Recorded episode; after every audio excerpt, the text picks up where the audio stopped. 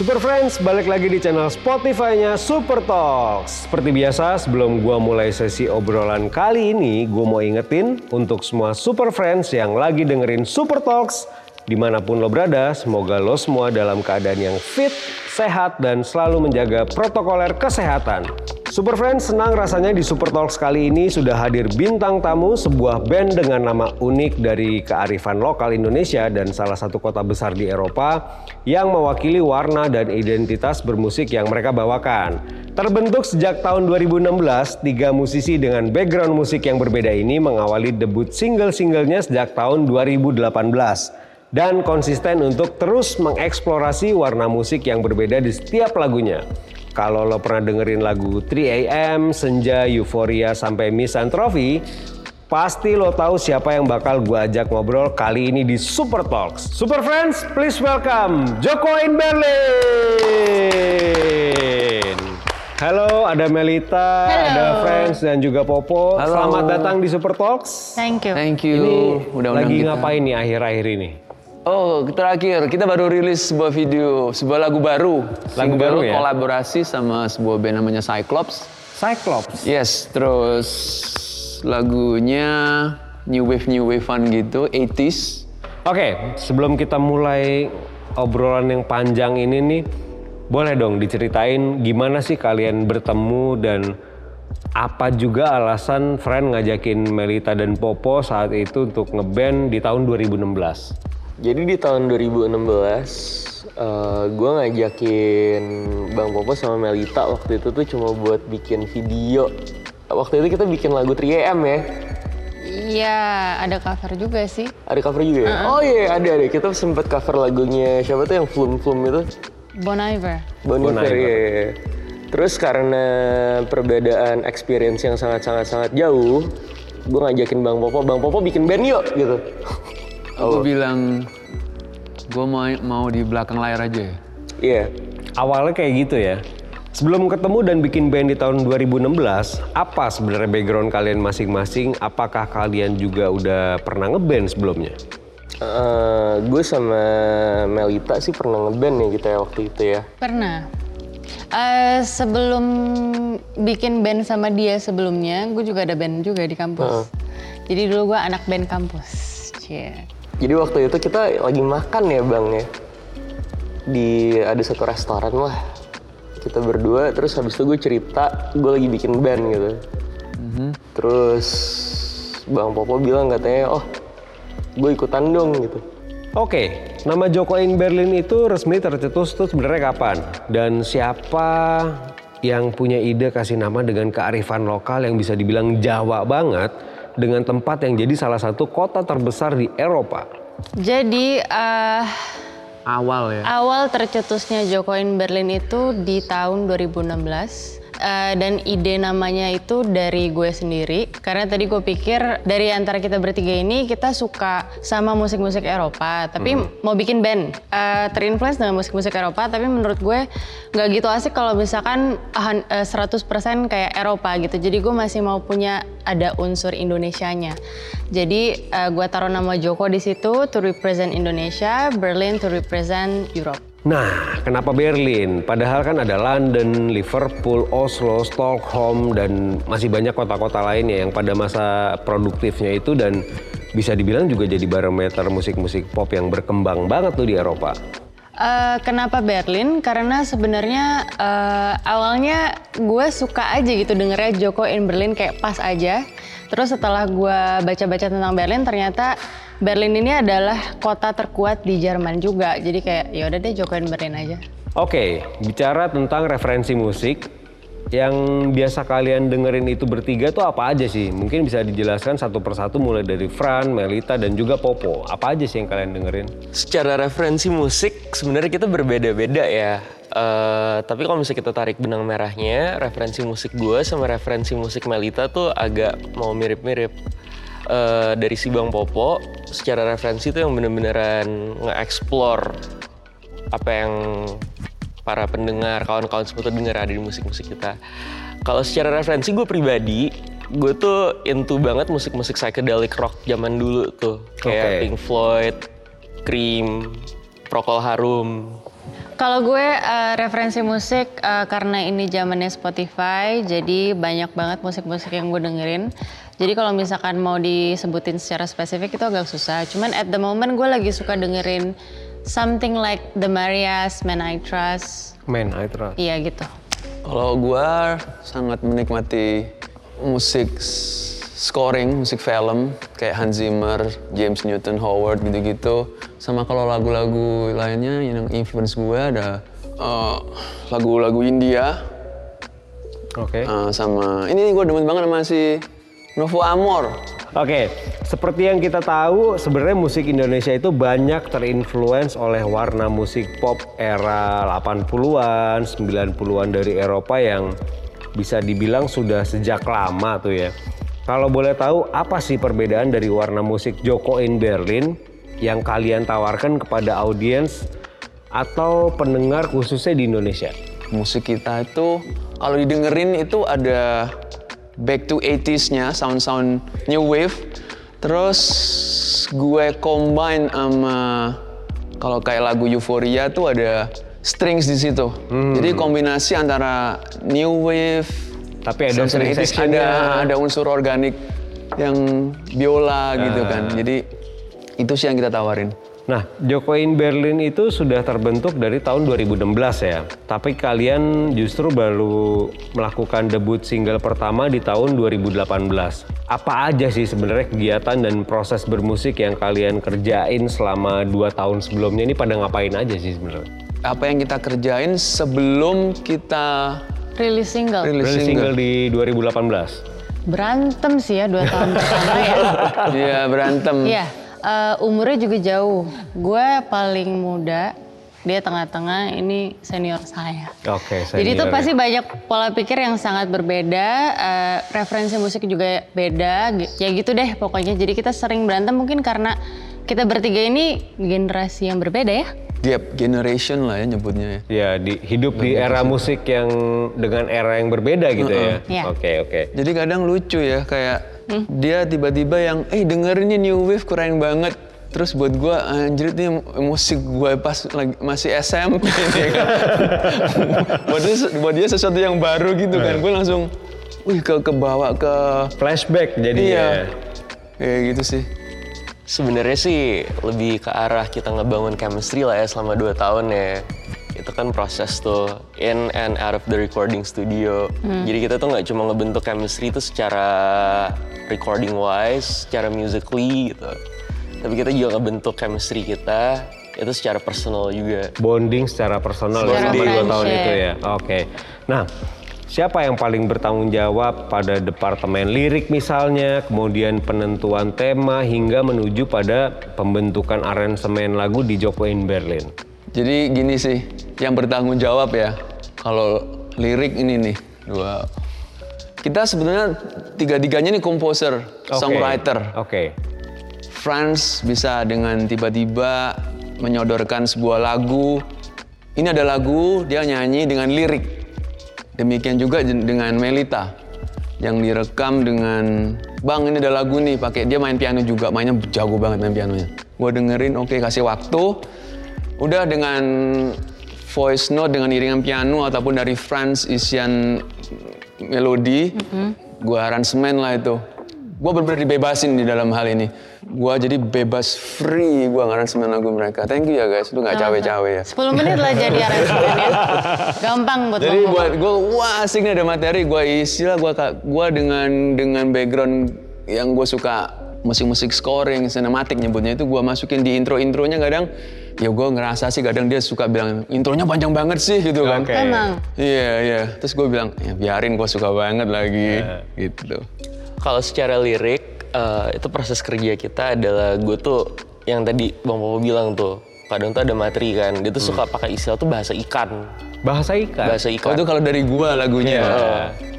Jadi kalau misal bahasa ikan tuh si Bang Popo tuh kayak bikin satu melodi gitu kan nyanyikan so so so so so was was was was gitu.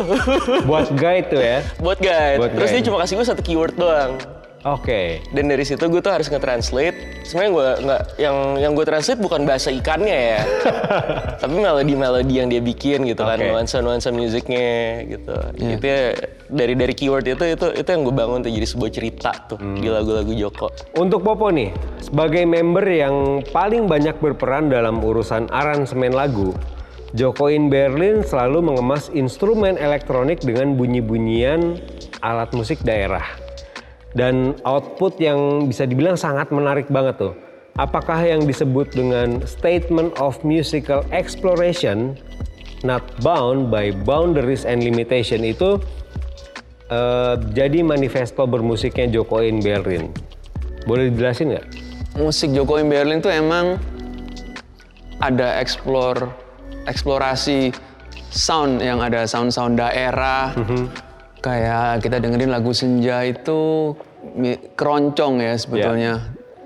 Uh, jadi gue yang pas bikinnya tuh sumbernya dari intro itu, nemunya dari yang pam pam pam pam pam pam pam itu dari situ mengalirlah sebuah melodi.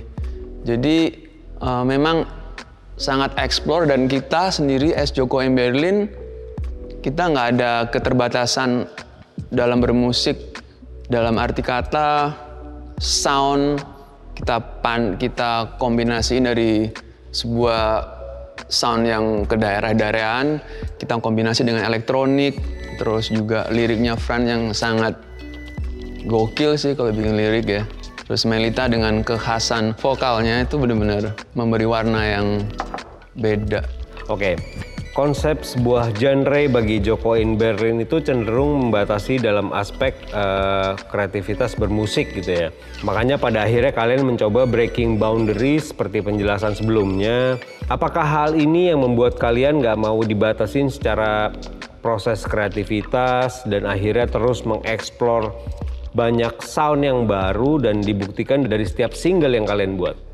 Kalau secara kreativitas itu emang secara personality ya gue gue pribadi sih dan kalau misalnya gue boleh ngomong juga antara Mel sama Bang Popo kita tuh ada sebuah pribadi-pribadi yang bener-beneran nggak bisa dibatesin lah ya. Eh, jadi sebenarnya dengan sistem genre yang well gue nggak bisa bilang gue setuju atau nggak setuju lah ya tapi kalau misalnya di saat di mana gue sedang membuat sesuatu gitu gue tuh nggak pernah selalu tuh mau ingin dikotakan apalagi dalam bentuk genre gitu. Oke. gue paling gue paling sebenarnya gue pribadi tuh gue paling nggak suka kalau misalnya ada orang yang tiba-tiba kayak nge-label musik yang kita bikin gitu kan. Oh musik lu tuh kayak genre A banget genre B banget note the A and B Yes, ya. soalnya gue nggak mau ini Eh, jadi itu sebenarnya tuh apa yang ada di otak gue, apa yang apa yang gue rasain gitu di saat di mana gue megang gitar, gue bikin melodi gitu kan.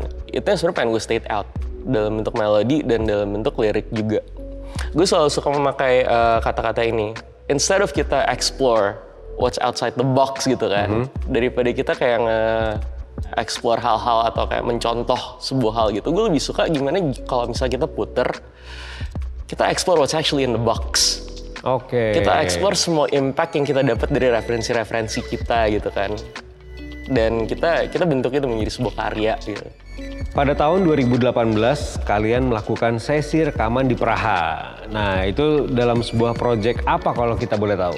Eh, kita ke Praha pada tahun 2018 ya 2018. 18 itu ada- kita ada project eh, gue lagi ada project ngerjain sebuah lagu terus kebetulan pada saat itu Joko M Berlin juga ada dua lagu, eh, dua lagu yang siap ya. Benar lagu Ballad of Colors sama lagu Euphoria. Nah kebetulan pada saat itu eh, gimana bisa pas ya? Jadi temen gue dapet nomor seorang string orkestrator namanya Alvin Witarsa. Gue kontak terus tuh eh gue pengen banget nih gue denger lu bisa bisa ini nih.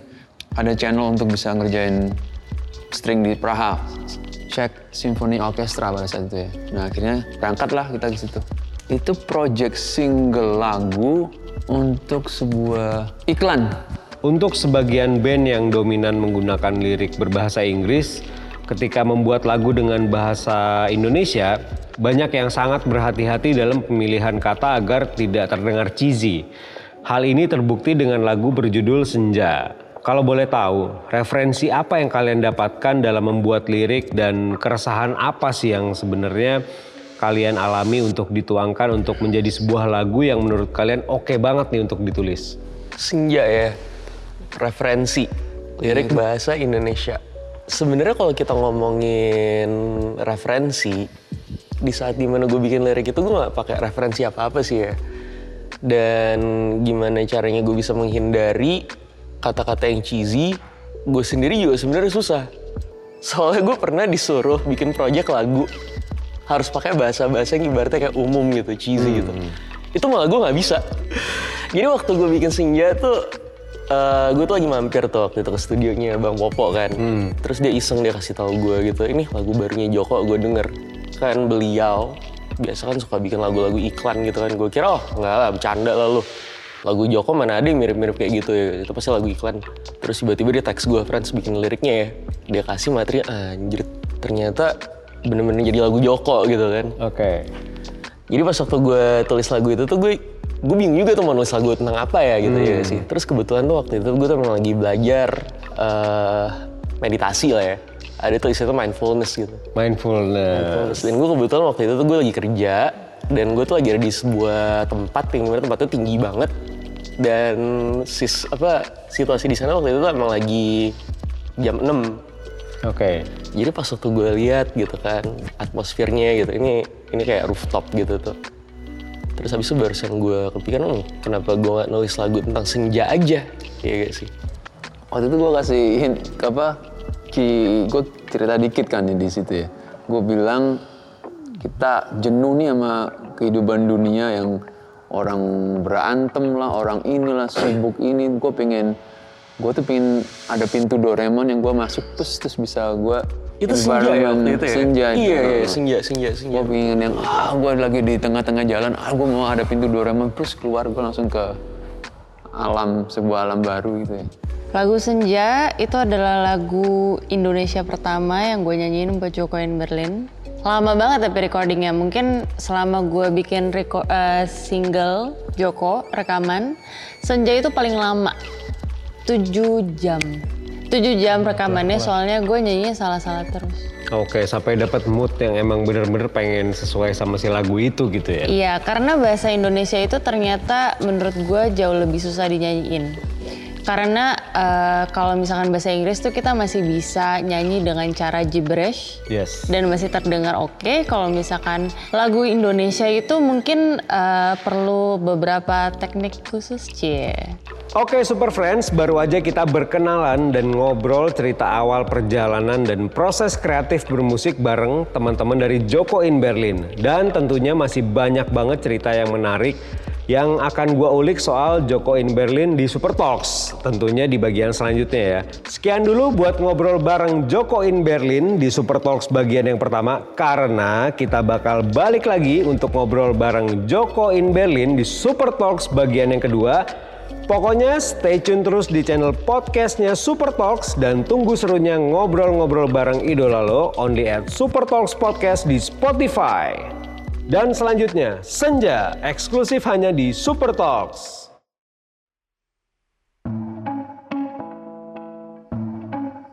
Letakkan letih lelah yang bertumpu Ringankan raga jiwamu bertumpu Di bumi yang berputar Di garis sumbu yang semu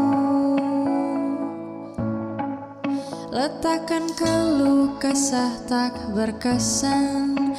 Dunia bukan sebatas bingkisan.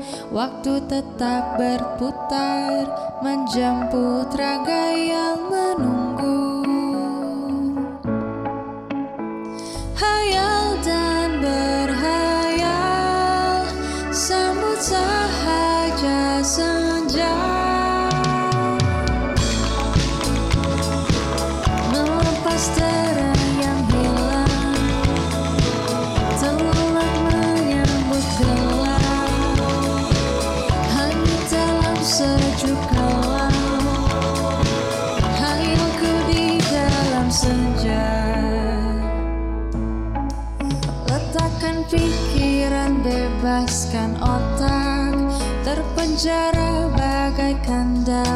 otak Buka mata dan telinga Untuk sepenggal